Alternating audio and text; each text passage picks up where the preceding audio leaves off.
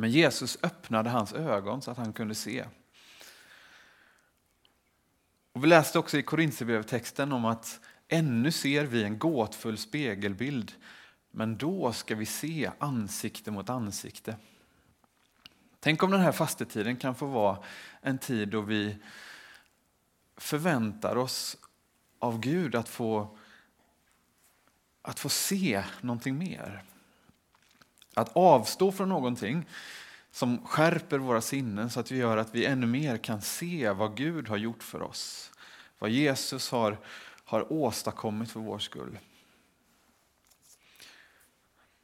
Och Går du in i fastan och avstår från någonting, väljer bort någonting, gör inte bara det då. Avstå inte bara från någonting. Claes sa så klokt här innan att om du bara avstår, då är det inte fasta, då är det banta. Det, det är något annat. Ehm, poängen med att avstå är ju faktiskt att Gud ska få fylla på med någonting annat. Så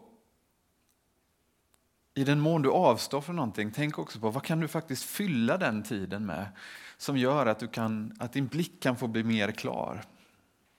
Det finns ju mycket idag som är självcentrerat. Vi fastar kanske eller gör någonting och så känner vi oss duktiga över det. Men det är inte meningen med fastan, utan att skapa möjlighet för Gud att få, att få göra någonting med oss. En väldigt konkret utmaning som vi vill skicka med här i Öjersjö och i, och i Furulund också, det är en fasteutmaning som jag har här på en liten lapp som ni sen kommer få ta en liten, ett ex av när ni går ut. På den här lappen så står det Fastutmaning 2024. Under fastan så vill jag särskilt be för följande person. Så kan man då få skriva ner en person på den här lappen. Ehm, och det finns ett skäl till att vi gör det här.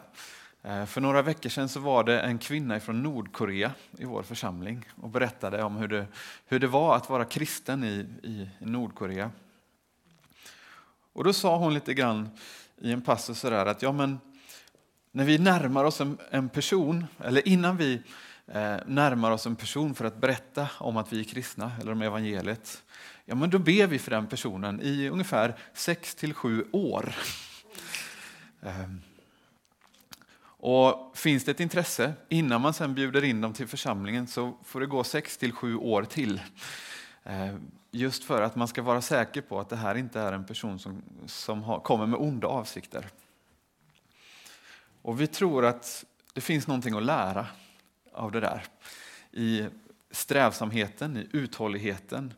Ehm, och kan de be för en person i sex till sju år så kan vi göra det i 40 dagar. Ehm, och ber du för många så fortsätt med det, du behöver inte sluta. Ehm, men det här kan vara en hjälp att faktiskt få fylla fastan med någonting där vi får se lite mindre på oss själva och lite mer på, på, på någon annan. Och så får vi förvänta oss att Gud faktiskt vill höra våra böner. Så vid utgången, ta med dig en sån här lapp och eh, fundera på vem du vill be för den här fastetiden.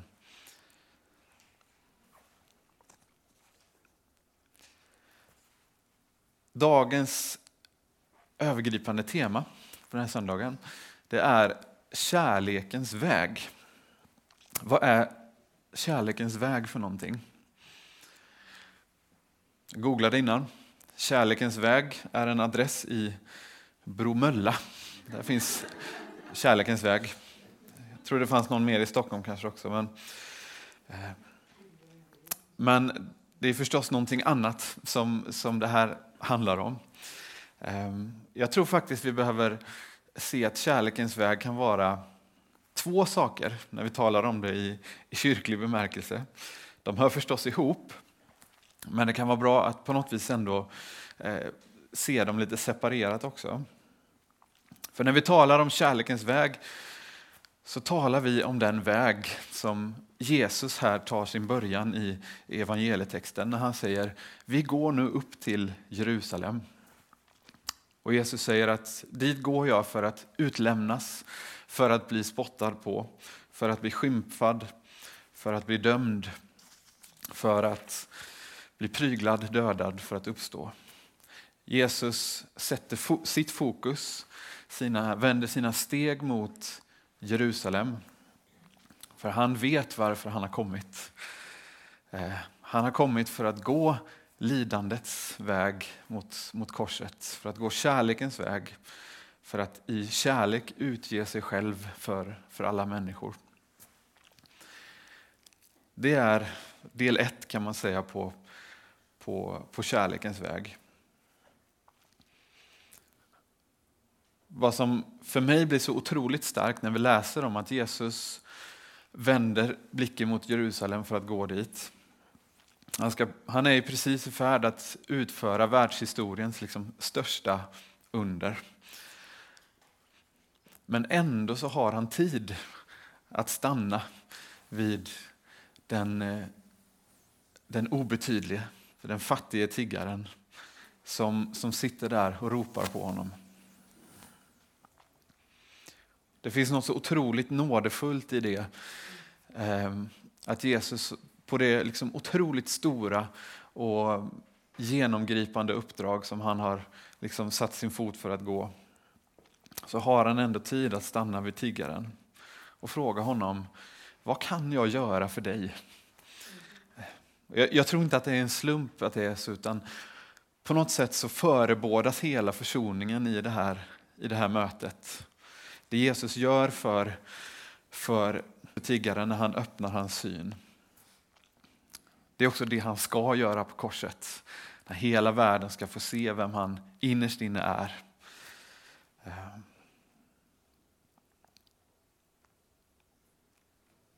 Och Det är också ett hopp för oss att det är så. Att det Jesus, det Jesus gjorde, det var inte för någon annan. Eller bara i någon typ av generell bemärkelse. Utan det var för, för den lilla människan. För, för dig och mig. För den människa som kommer till honom och ber honom ta hand om, eh, om sitt liv.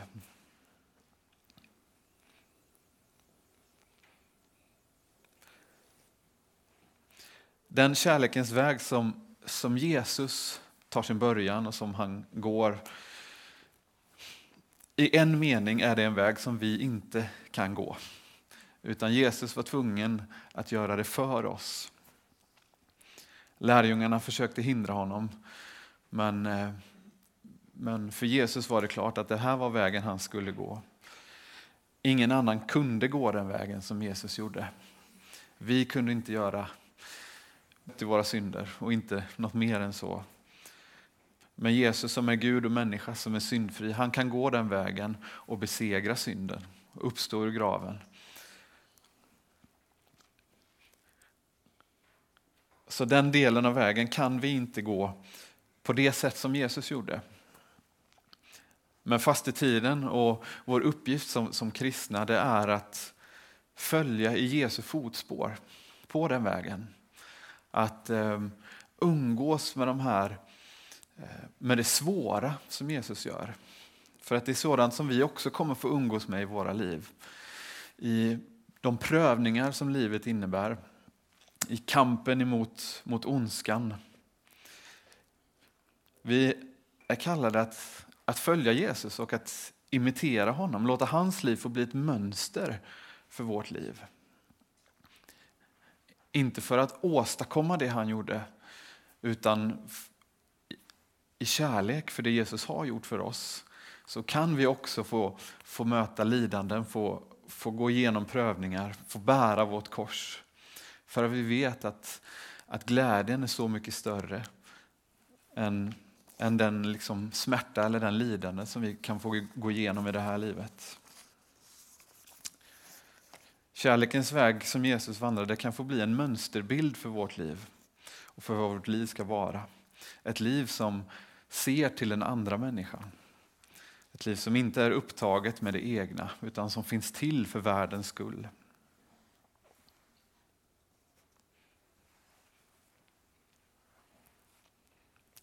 Var så till sinnes, säger, säger Paulus.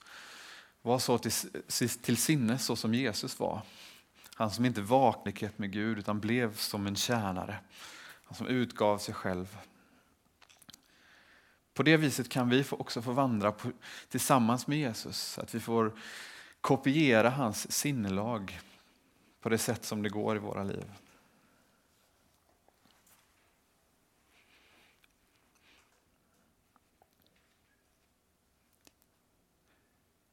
Den andra kärlekens väg, det är egentligen samma, men det, det, finns en poäng med att särskilja dem lite grann. Det är den väg som tar sin början vid den uppståndna graven. Eller rent av vid pingstdagen kanske man kan säga. Den väg som går mellan Jesu uppståndelse hela vägen in i, i evigheten. Eller till Jesu återkomst eller hur man nu vill säga det. Det är en väg som vi som församling är kallade att gå, att leva i Jesu efterföljd. Ehm, och den text som vi fick höra som dagens episteltext, det kanske är en av Bibelns mest kända instruktioner för hur den här vägen kan gå till. Det är inte alltid vi tänker om den texten att det är på det sättet, men det är faktiskt det som är så att säga dess ursprung. Den här texten som vi känner som kärlekens lov. Störst av allt är kärleken. En sån bibeltext som nästan alla människor känner till på ett eller annat sätt för att man har hört den så många gånger.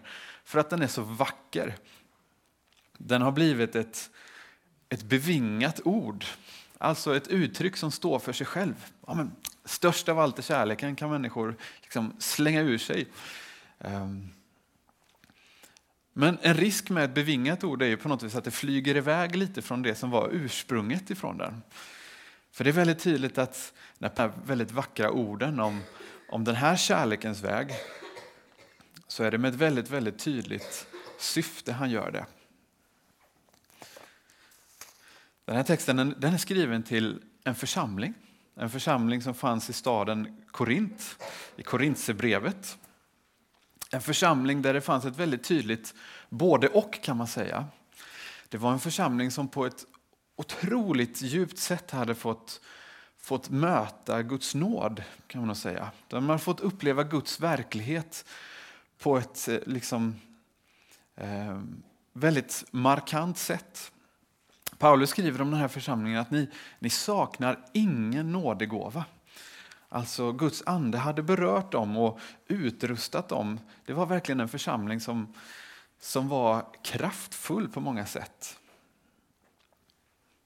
Men så fanns det en sida i den här församlingen som inte alls var, var lika, lika positiv. En del som var på något vis väldigt kötslig, kanske man skulle kalla det.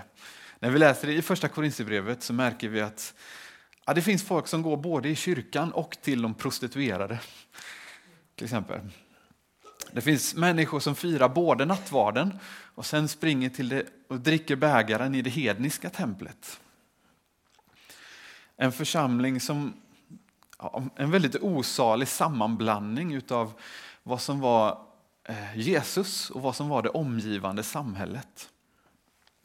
Om du någon gång har tänkt om kyrkan i dagens läge, att det finns en massa knas i den, eh, ja då är det nog faktiskt så att att det är få församlingar som är värre än vad det var vid det här fallet. Ehm, det är verkligen en, en problemförsamling på många sätt.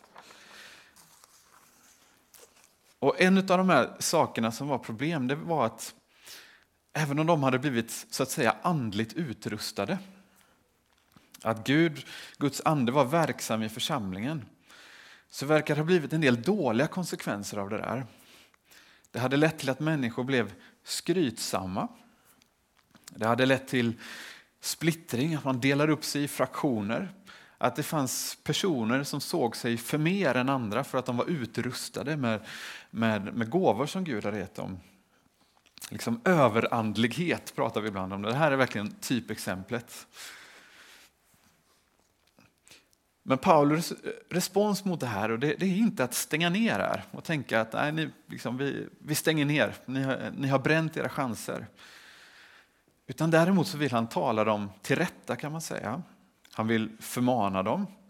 Han vill få dem att peka tillbaka på det som verkligen var centralt, nämligen den, den korsfäste Kristus. Och så säger han att jag vill också visa er en, en, en större eller en bättre väg än den som ni har vandrat på. Och det är precis i det här sammanhanget som vi får den här texten som så många känner till.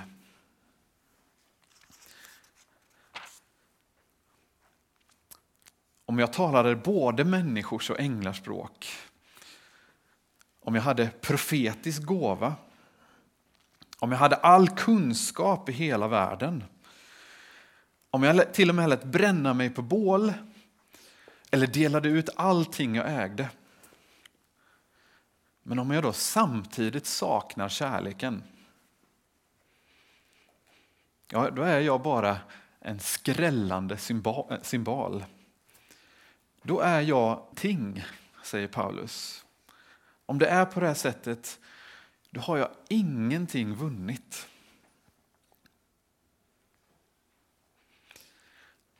Alltså, Paulus vill säga till församlingen att ett liv där kärleken är frånvarande, det kommer kanske vara fullt av häftiga saker som händer. Men det kommer inte leda till något gott i längden. Jag läste i en bok om det här, någon som skrev så här att Gud har ingen nytta av en kärlekslös kristen. Det är otroligt hårda ord, men vi kommer faktiskt inte ifrån att det är det han säger här. Att om du har alla de här häftiga grejerna, men om du saknar kärlek, då är det ingenting. Då leder det inte till något positivt i det långa loppet.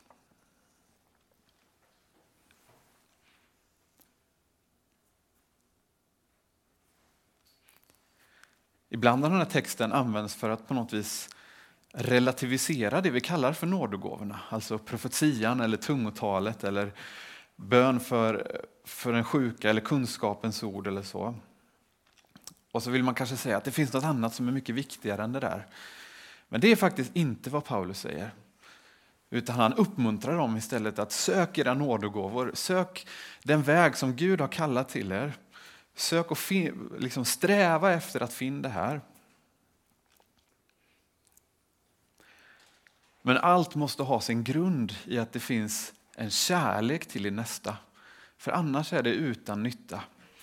Om du inte kan göra allt det här eh, för din, för din grannes bästa, eh, ja, då, då är det fel helt enkelt. Men tänk vad som kan hända när de båda sakerna finns. När vi som församling söker de gåvor som Gud har kallat oss till och gör det med, våra, med medmänniskan framför vår, våra ögon. Ja, men då kan vi skapa någonting som verkligen är hållbart. Då kan människor få komma till tro och bli kvar där, tror jag. Det är då som nådegåvorna verkligen kan komma i funktion. När de finns i funktion eh, i kärlek till de människor som, som finns runt omkring oss. Om jag profeterar eller ber bara för att jag ska verka andlig eller duktig ja, då kommer det bli tomhet utav det. Men om vi däremot gör det av kärlek, ja, men då kan vi förändra världen. Men som församling så behöver vi vara noga med och vi behöver akta oss för att bli kärlekslösa. Att, att bara bli liksom resultatsökande eller framgångsivriga. Utan vårt uppdrag är, precis som Jesus, att se den, den fattige, den blinde och fråga vad kan jag göra för dig? Sen vänder Paulus på det och beskriver istället ett liv där kärleken är närvarande. Och Då kommer den här raddan av saker. Kärleken den är tålmodig och god. Kärleken är inte stridslysten, den är inte skrytsam, den är inte uppblåst, den är inte utmanande, den är inte självisk. Jag vet inte om ni märkte här, men de första orden är två positiva saker. Kärleken är tålmodig och god. Jag har fått det förklarat så här, jag tycker det verkar ganska rimligt att de här positiva orden på något sätt tror jag att de vill hjälpa oss att se tillbaka på vem Gud är och på vem Kristus är. I Gamla testamentet så står det att barmhärtig och nådig är Herren. Han är sen till vrede och stor i nåd. Han är tålmodig. Han håller tillbaka sin dom för att människor ska få förstå vem han är. Och i Jesus så ser vi också på något vis godheten personifierad. Den Gud som vi tror på är tålmodig med oss och alla våra brister. Också den Gud som ger utav sin godhet i fullt mått. Alltså, så som Jesus var, så ska ni vara. Det är det jag tror Paulus vill säga här. Tålmodig och god. Och sen kommer de negativa orden. Kärleken är inte stridslysten, den är inte skrytsam, den är inte uppblåst, den är inte utmanande, den är inte självisk. Alltså precis så som församlingen i Korint var. De var stridslystna, de skröt, de var nog säkert uppblåsna, uppblåsta. Eh, de utmanade varandra och de såg till sitt eget bästa. Det vill säga det Paulus säger är, så som ni är, var inte sån.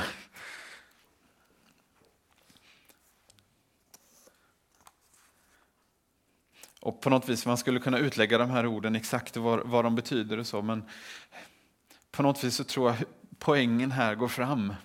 Alla som någon gång har träffat en person som är uppblåst och självisk vet på något vis vilken, vilken illaluktande kultur det, det skapar. Eh, själva när vi, när vi söker strid för sakens skull. Det skapar dåliga arbetsplatser, det, det skapar liksom ohälsosamma församlingar. Det skapar familjer som splittras när vi, när vi lever på det här sättet. Det är ganska självklart på många sätt. Ehm. Men det viktiga här tror jag att peka på det är att när Paulus talar om kärlekens väg för oss som församling och som, som individer så handlar det i första hand inte om känslor utan det handlar om, om handling. Det handlar om ett, ett förhållningssätt, ett, ett agerande gentemot våra människor. Ibland är kärleken på något sätt eh, eh, full av känslor och den kan motiveras av känslor vi har och så. Men det är inte dess grund att det är så. Det är vår tids sätt att beskriva saken, att, att kärlek många gånger enbart blir det liksom emotionella. Det som eh, känns på insidan. Men kärlek här hos Paulus och hos Jesus, det är något mycket konkret. Det är ett, ett utgivande liv för den människa som du möter.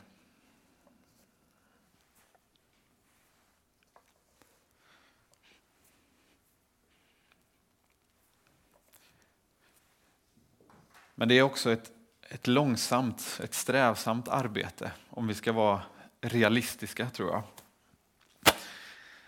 Man kan ju, man kan ju lätt eh, liksom göra tankeexperimentet. Tänk om, tänk om hela Sveriges befolkning hade vaknat upp en dag och tänkt så här att Nej, men idag, idag ska jag vara tålmodig. Idag ska jag vara god. Idag ska jag inte vara stridslysten eller självisk eller uppblåst eller girig. Eller bara. Vilken fantastisk dag det hade varit förmodligen. Ehm, men det är ju förstås en utopi att det kommer hända. Ehm, att det skulle ske över en natt, att alla helt plötsligt bara bytte, bytte sinnelag på det sättet. Men vad som faktiskt är fullt möjligt, det är att du gör det. Kanske inte alla på en gång, men de här sakerna som radas upp, det är ingen omöjlighet att faktiskt söka efter de här sakerna i våra liv, i våra hem. Att söka att vara tålmodiga, att söka att inte splittra eller att vara egoistiska eller se till oss själva. Det är ingen omöjlighet att leva så och att sträva efter det på våra arbetsplatser eller här i vår församling. Jesus använder sig av bilden av en surdeg när han talar om Guds rike. Alltså någonting som behöver arbetas, arbetas in. En liten, liten del som till slut blir en del av någonting som syrar helheten. Det är faktiskt det det innebär att vandra på kärlekens väg tillsammans med Jesus.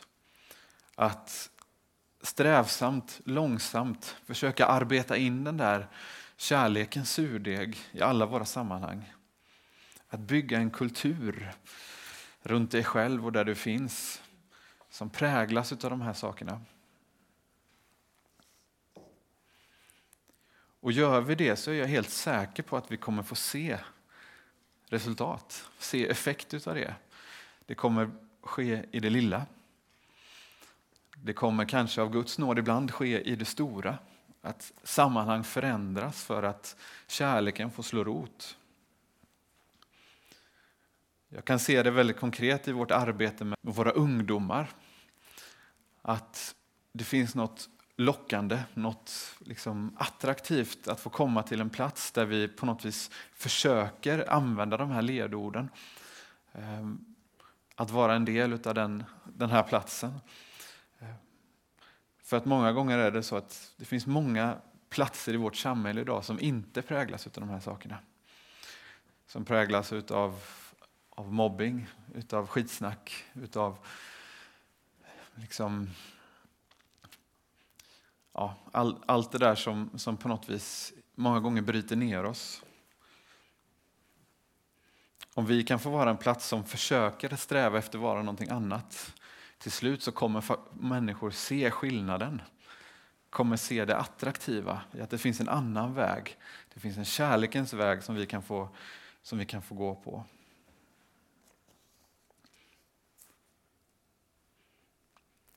Så det vill jag nu sluta med att, att säga att det, det är vår uppgift. Och det är vårt privilegium också att få göra det tillsammans. De här orden som Paulus skriver, de är skrivna till en församling.